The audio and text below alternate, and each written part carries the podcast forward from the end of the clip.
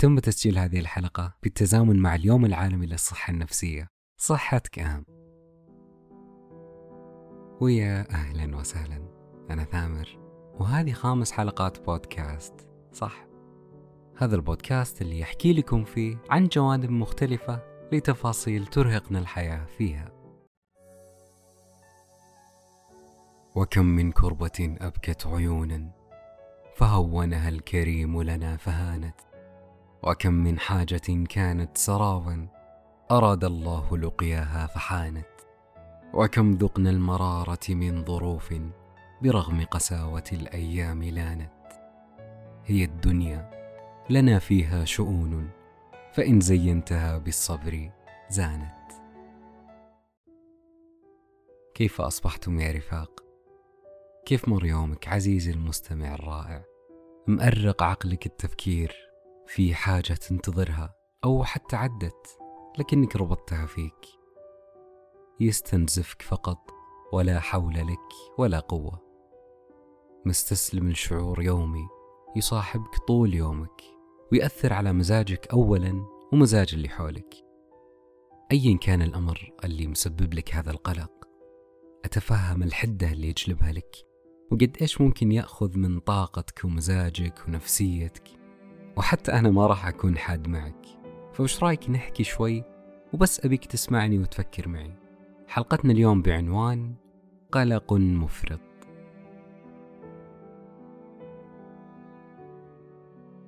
تقول الباحثة في علم النفس الدكتورة كيت سويني بت أقرب إلى أن أكون محترفة في الشعور بالقلق. يعني خذ هالكلام من شخص احتواه القلق. خذه من شخص ما راح ينظر عليك بكلام فارغ. تقول الدكتورة إن القلق يمتلك سمعة سيئة في العادة إلا أنه ليس بالسوء الذي نعتقد. فليست كل أنواع القلق غير مجدية أو محطمة للصحة البدنية والنفسية. فهناك القلق الذي يمثل حافزا ودافعا للإنجاز أو لتحقيق المزيد من الإنجاز وإتقانه أو لتلافي الفشل أو تكراره. وهناك القلق الذي يمثل جدارا واقيا يحمي من الهزات النفسية والانهيارات العاطفية. ولكن مو هذا القلق اللي استهدفه في هالحلقه أنا يهمني احكي لك عن القلق اللي متعبك بدون ولا أي فائده طبعا اختلفوا العلماء في تعريف القلق والبعض استخدموا مصطلحات ممكن أصفها بأنها حادة وسلبية وقالوا إنه تجربة شعورية تنطوي على أفكار مزعجة ومستمرة بشأن المستقبل والبعض الآخر اللي عرفوا القلق بمصطلحات ممكن أصفها بأنها ألطف شوي قالوا أنها حالة شعورية تحفز المرء على اتخاذ استجابات سلوكية تستهدف تقليل التهديد اللي يتعرض له. ممكن يحدث القلق بسبب فكرة مثلا أو إحساس مخيف أو يجعلك تشعر بالتهديد أو العجز أو الإخفاق أو أنك تفقد قيمتك. وممكن يرتبط أحيانا بالشعور بالذنب. ممكن يحدث القلق أيضا إذا تعرضت لخذلان أو إذا كان فيه احتمال فقدان أمر يحظى بأهمية عندك زي الأمان أو مكانتك عند أحد أو فقدان أحد عزيز عليك. كل هالأمور تسبب القلق. القلق في كلتا الحالتين هو شعور. ويقاس بمدى حدة تأثيره عليك. لكن خلني أنا اللي بمسك جانبا شوي وأحكي لك عنه. ممكن تختلف التعريفات ويختلف الشعور من شخص لآخر. لكن أنت وش اللي مخوفك؟ مستقبلك المجهول ردة فعل خايف من حدوثها.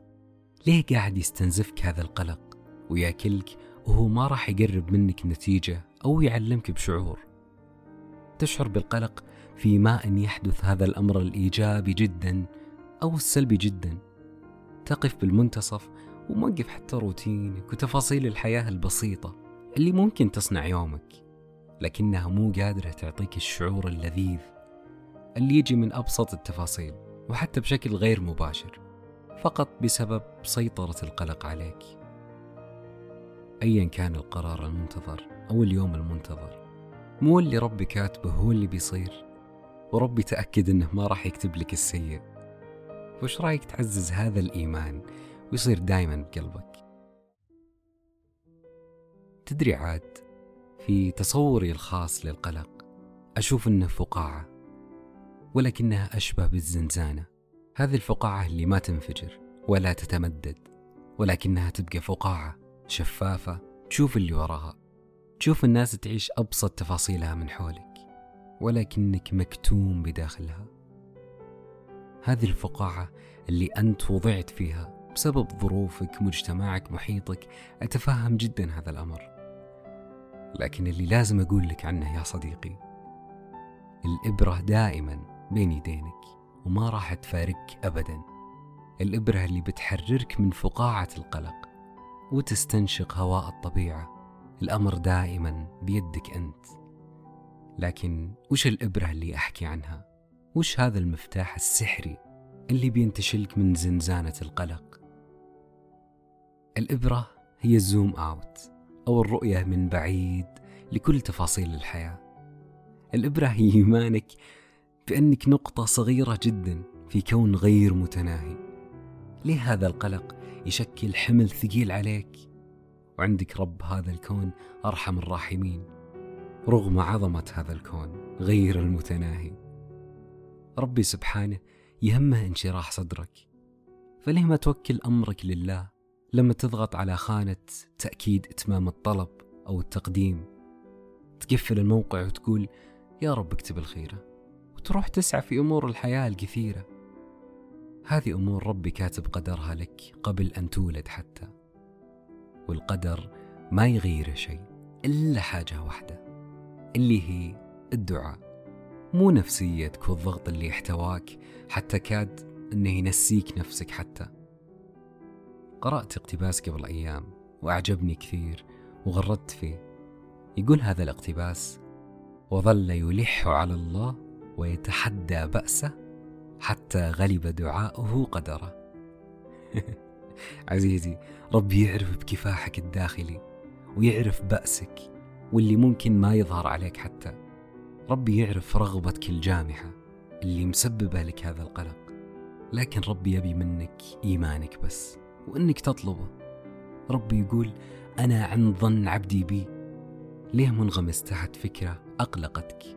بمسمى ماذا لو لم يكتب لي هذا الأمر؟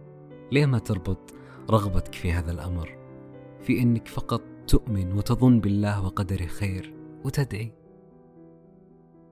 أنا مؤمن جدا بصعوبة الظروف والقلق اللي ممكن يبكيك الليالي في سبيل النتيجة اللي تنتظرها في سبيل الحياة الرائعة اللي تبيها والمكان اللي تبيه والشخص اللي تبيه لكن ليه تخليها تستنزفك؟ بدون سجدة تويتر آخر الليل تدعي ربك يسر الأمر والخير لك. القلق شعور صعب جدا وأيا كان اللي يسمعني وفيه قلق تجاه أي تفصيلة صغيرة بحياته لا يزعل كلامي لو اعتقدت أني قللت من شعورك أو حجمت منه. لا أبدا. تأكد أنك تؤجر على صبرك وعلى رجفة أقدامك وندباتك اللي سببتها نوبة القلق. تأكد أني أفهم اللي تخوضه وأعرف كثير من أصدقائي اللي مروا في القلق. لكن القلق أنواعه كثير.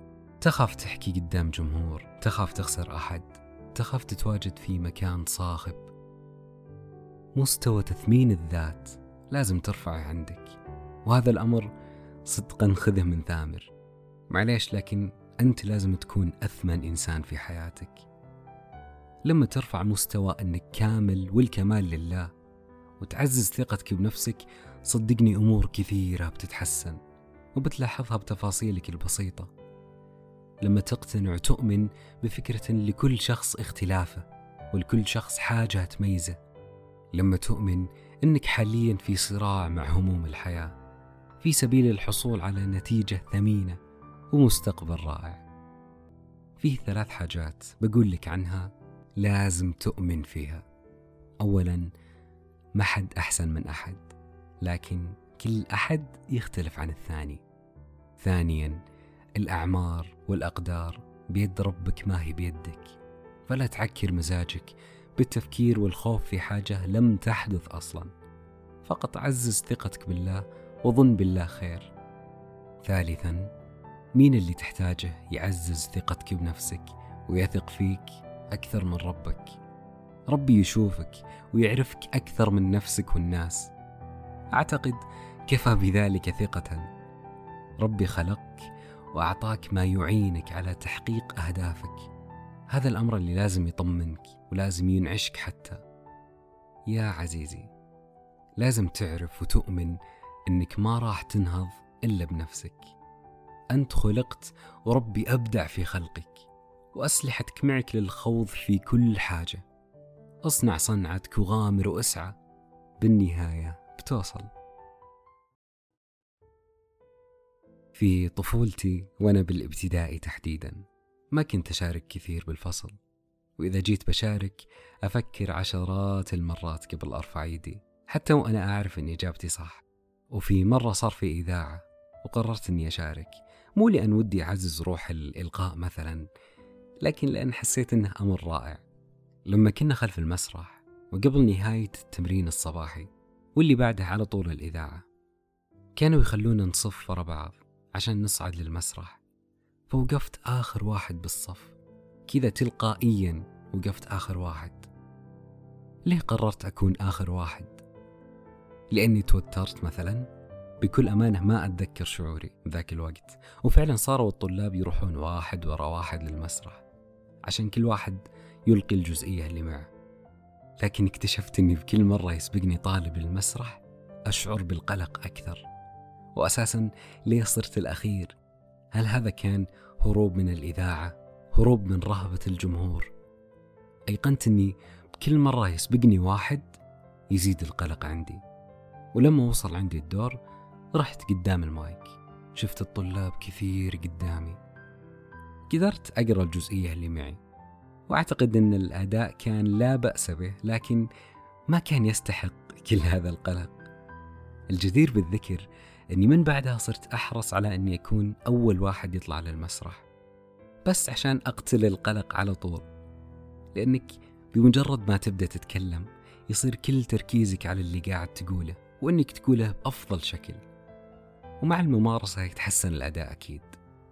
بينما لو كنت تنتظر بالأخير فقط بتشعر بالقلق وبشكل تصاعدي حتى. وهذا الأمر اللي ممكن أربطه بفكرة المغامرة في الحاجة اللي تسبب لك قلق. لو بكل مرة القلق قتل حماسك تجاه أمر ودك تسويه بشدة ما راح تستلذ في التخلص منه.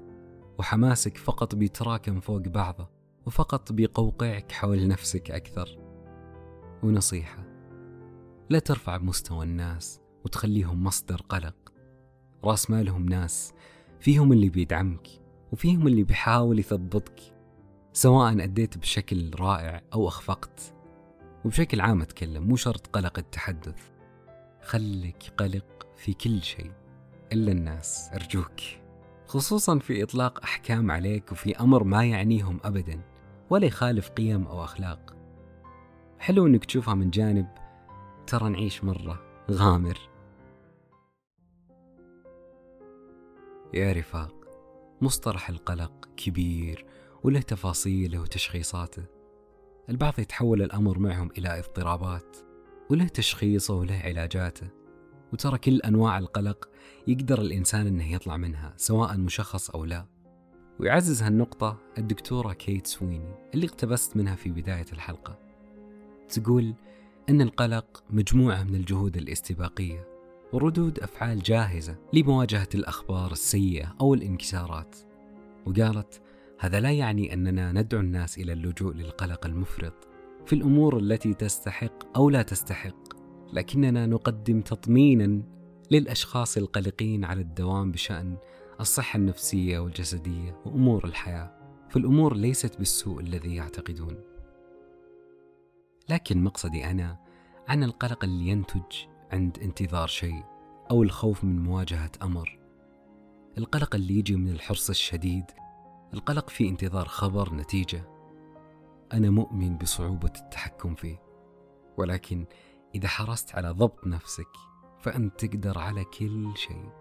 إذا عززت في بالك فكرة أن القلق ما راح يسرع بالخبر أو النتيجة وأنك بتبقى بمكانك ويمكن تضيع عليك تفاصيلك وأيامك وممكن حتى سنوات تضيع عليك وأنت في مكانك.